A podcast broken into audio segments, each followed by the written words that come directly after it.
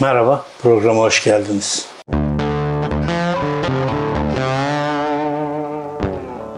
Bütün gün yağmur yağmadı. Tam programa başlayacağım. Yağmur yağdı. Artık bu yağmur sesiyle beraber romantik bir program yapmaya çalışacağım ama Türkiye'de romantik program yapma şansımız şu anda hala yok. Evet önceki gün yaptığım program e, bayağı bet bir suratla olumsuz bir programdı ama olumlu olan hiçbir şey yok. Biliyorsunuz e, geçtiğimiz hafta e, HDP binasına bir saldırı oldu. Muhammed Eren Sütçü diye birisi saldırdı. Tek kişi olsaydı aynı İzmir'deki gibi e, öldürülecekti oradaki HDP'li arkadaşımız kadın ya da erkek. Üç kişi oldukları için yaralanarak kurtardılar. Sütçü de mahkemeye çıkartıldı. Çıkartıldı ama ne ne oldu mahkemeden sonra? Serbest bırakıldı. Evet, Süleyman Soylu'nun adamı olduğunu tahmin ettiğim kişi serbest bırakıldı. Neden serbest bırakıldı? Çünkü alt tarafı HDP'lilere saldırdı. Neyle saldırdı? Silahlı ve bıçaklı bir şekilde saldırdı. Silahın ruhsatı var mı bilmiyorum ama bıçağın ruhsatı oluyor mu olmuyor mu onu hiç bilmiyorum. Ee, eve ekmek kesmeye giderken mi üstündeydi ya da misafirliğe ekmek keserken mi üstündeydi o bıçak onu da bilmiyorum. Bizim gençliğimizde parmak arası diye bir şey vardı. Bıçak parmak arasını geçiyorsa e, bu yaralayıcı ve öldürücü e, silaha girer diye. Ne kadar doğrudur bilemiyorum. Hatta şöyle bir şey söylerler. Polis sokar. E, biraz fazlaysa ittirir içerine sokar. Cezayı polis baştan verir. Böyle bir e, uygulamamız var bizim. Yani Süleyman Soylu'nun bacaklarını kırın sorumlusu benim. Öğüt meytle başlamıyor bu olay. Yani falaka da Süleyman Soylu'yla başlamıyor.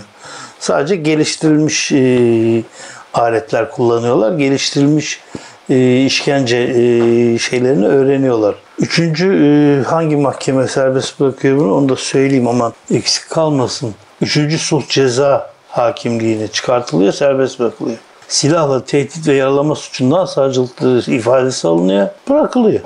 Bu kadar basit. Nedir bir insanın yani tutuklanmalara tabii baştan sona kadar karşıyım ama planlı bir şekilde gelinmiş oraya. Yani e, bu e, şuradan geçiyordum bana işte oradan laf attılar da ben bu işi yaptım diye bir şey değil bu. Planlı bir şekilde gidilmiş oraya silah bele bıçak e, işte artık nereye soktuysa bıçağında beraber gitmiş oraya.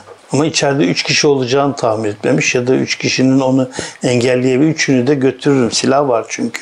O düşünceyle içeri girmiş. Savunmayı nasıl yaptı bilemiyorum. Yani bilemiyorum. Yani bunun savunması nasıl olabilir? Avukatı var mıydı? Avukatı ne dedi? Efendim benim e, müvekkilim suçsuzdur. Çünkü onlar HDP'lidir. HDP'li zaten Pekkelidir. Pekkeli zaten dağdadır. Dağdaki zaten e, şunları bunları yapmaktadır mı dedi. Yoksa e, işte e, efendim HDP'lidir ama niye yaptı biz de anlayamadık affedin mi dedi. Gerçekten anlaşılması zor bir şey. Size birisi saldırıyor, öldürmeye teşebbüs, tam teşebbüs, niyet o ama serbest bırakılıyor. Şimdi bu çıktığında sokakta ne yapacak? Nasıl bir güvenle dolaşacak? Akşam kahveye gidip hey 3 HDP'liyi yaraladım ama beni Erdoğan abi serbest bıraktı mı diyecek. Reis mi diyecek. Bir çakıcı daha mı yetiştirecek? Bir, başka bir it mi yetiştirecek? Zaten itleşmiş olay. Süleyman Soylu'nun adamları bunlar. Emir büyük yerden geliyor. Emir Süleyman Soylu'nun da amir olan Devlet Bahçeli'den geliyor. Çünkü e, o mantıkla yani hiçbir Kürt kalmazsa Kürt sorununu çözeceğiz mantığından bakıyorlar olaya. Ya da Kürtleri savunan insanlara saldırırsak diye bakıyorlar olaya. Bu nasıl müthiş bir şey ya. O zaman ne Kartal'da o Turgut Özal'ı yaralayan o da yaralamıştı. Niye tutuklu kaldı yıllarca? Gerçi o da fazla kalmadı da o tam nişan alamadı ya da bir öyle bir şeydi. Yani kongreye silahla girebilmiş adam artık. Gerisini siz düşünün derin devletin nelere izin verebildiğini. Böyle bir şey yani nasıl anlatır? Bunun itirazı yapılacak ve mutlaka yapılacak. İtirazdan ne fark edecek, ne değişecek onu merak ediyorum. Bunun hukuken bir gerekçesi olmalı. Avukat değilim ama adliye muhabirliği yaptım. Hiç böyle bir şey görmedim şimdiye kadar. Sen öldürmemişsin çık. Öldürseydin eh biraz seni tutardık. Özür dileriz mi dediler. Yani hatta o bir hafta on gün kaldığı için özür dilenmiş midir kendisinden acaba? Bu nasıl bir şey yani? Bu ayrımcılık değil mi? Bu Kürtlere düşmanlık değil mi? Kürtlerin öldürülmesinin hukuken hiçbir suçun olmadığının delili değil mi bu? Yani bunun için bir üst mahkemede e, aynı e, kararı verirse nereye gidilir bilemiyorum. Çünkü bu artık utanmazlığı geçmiş bir durumda. Hani AKP şikayet ediyor ya bakalım akşam merak ediyorum neler diyecekler şimdi bu kişinin serbest bırakılmasına. Büyük bir olasılıkla canım öldürmemiş. O oh oh oh oh diyen neyse kelime dilimin ucunda gelmedi. Söylemedim geldi de yani dilim ucuna geldi de çıkmadı. Hafiften söyleyeyim o.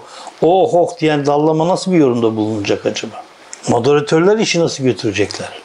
Hani AKP'den şikayet ediyor, AKP şikayet ediyor diye bu dallamalardan. Bizi saçma sapan savunmayın diye. Şimdi AKP'nin bu, bunu söyleyenleri bu mahkeme kararı üzerine nasıl bir yorum yapacaklar? Bilemiyorum. Müthiş bir şey. Bu hep böyle başladı ama bunların hep böyle olacağını biliyorduk.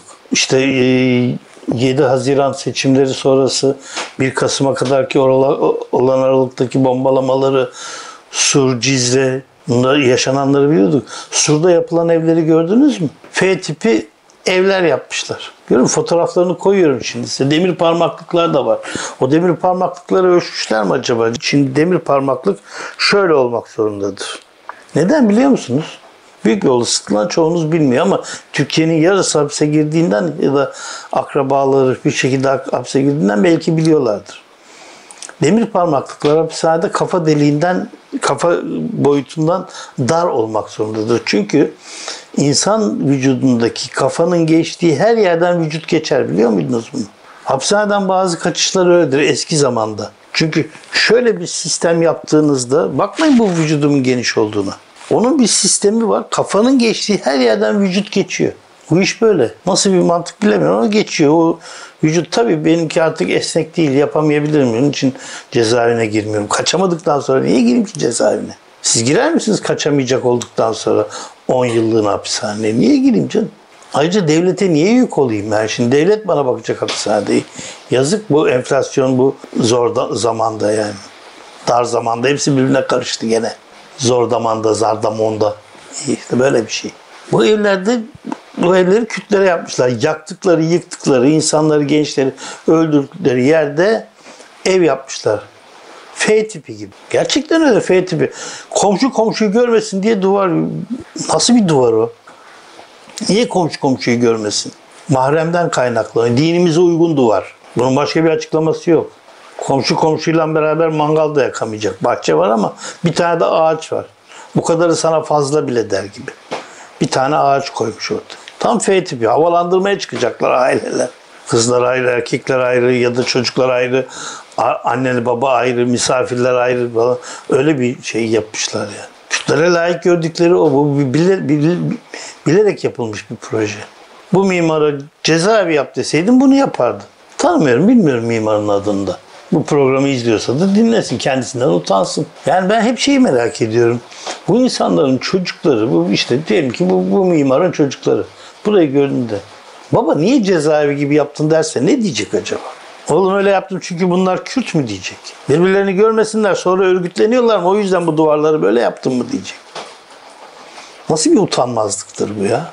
Ha şimdi o şeyleri gördüm ben işte demir parmaklıkları anlatıyordum. Kafa geçiyor mu? Kafa geçiyorsa oradan polis de gece sızabilir. İşte bu deminki tahliye edilen gibi birisi de içeri sızabilir. Yarala yarala git öldürmeye gerek yok. Hastanede ölürse de karışmaz. Hastane sorumlu. Diyebilirler bunlar. Efendim ben sadece yaralamıştım. Hiç öldürme niyetim yoktu. Kan kaybından gittiyse hastanede yeteri kadar kan yoksa bu hastanenin sorumluluğu diyebilirler. Çünkü o parmaklıklardan kafa geçiyorsa sorun yok. Hırsıza karşı yaptılarsa hiç öyleye benzemiyor. Çünkü benim gördüğüm kadarıyla tamam benim kafam kocaman ama başkasının kafası Erdoğan'ınki geçer mi bilemiyorum. Geçer. Bir de bu sistemi bilmiyordur. Onun kaldığı cezaevi öyle değildi ki. Ufak saray gibi yaptılar orayı. Parti orada kuruldu cezaevinde.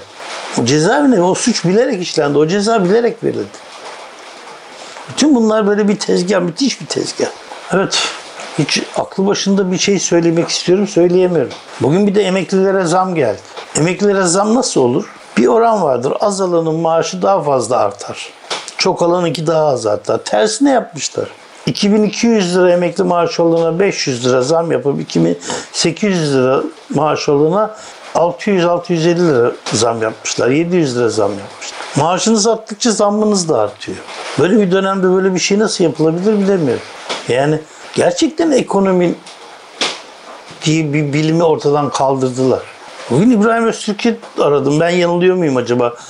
İbrahim dedim ya böyle olmaz mı bu? Yani azalanın maaşı biraz daha fazla artar. Orta e işte diye gider. Çok alanın daha az artar. Hayır. Tersine yapmışlar. Açın bakın gazeteler. Hepsi sonuna kadar liste vermişler. Tam liste vermişler. 2200 alanın maaşı olmuş 2700. 2800 olanınki 3500 olmuş. 2200'ünki 2800'e kadar gelmemiş bile. E Nasıl bir hastalık bu? Nasıl anlatacaksınız bunu alt seviyedekine? Bir ilginç daha bir şey var. Bir arkadaşımla konuştum. Ziraat Bankası'nda çalışıyor işte şeyden falan şikayet ediyor. Geçim sıkıntısı şuydu buydu falan. Dedim neyse ki olan bankada yo dedi asgari ücretin altına düştü şimdi.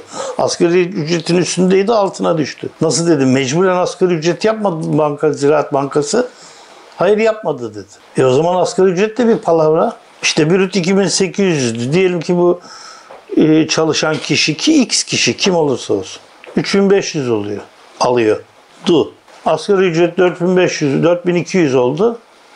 Onunki 3500'de kaldı. En düşük asgari ücret mi şimdi? Yani en düşük asgari ücret 2200 şey 4200 mü? Hayır, altında kalanlara zam yapılmadı.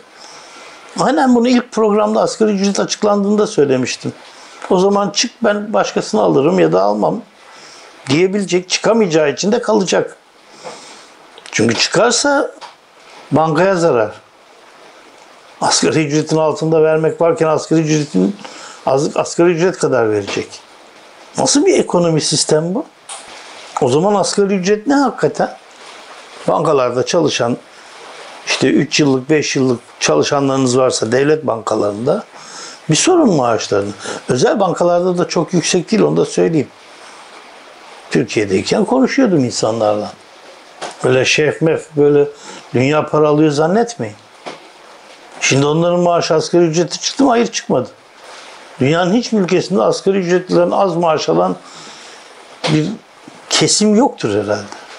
Hem de bankadakiler üniversite mezunu. Yani burada ayrımcılık yapıyor falan demeyin ne olur.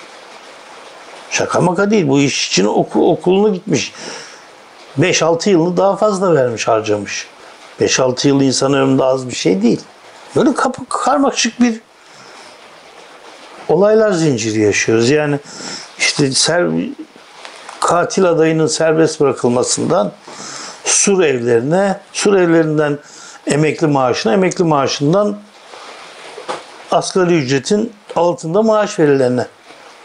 Bir gündür yani işte sabahtan itibaren okuduğum dört haberden size program yapıyorum. Bundan sonra da öyle olacak herhalde. Eskisi gibi tek haberli program daha azalacak. Size haber sunuyor gibi program yapacağım.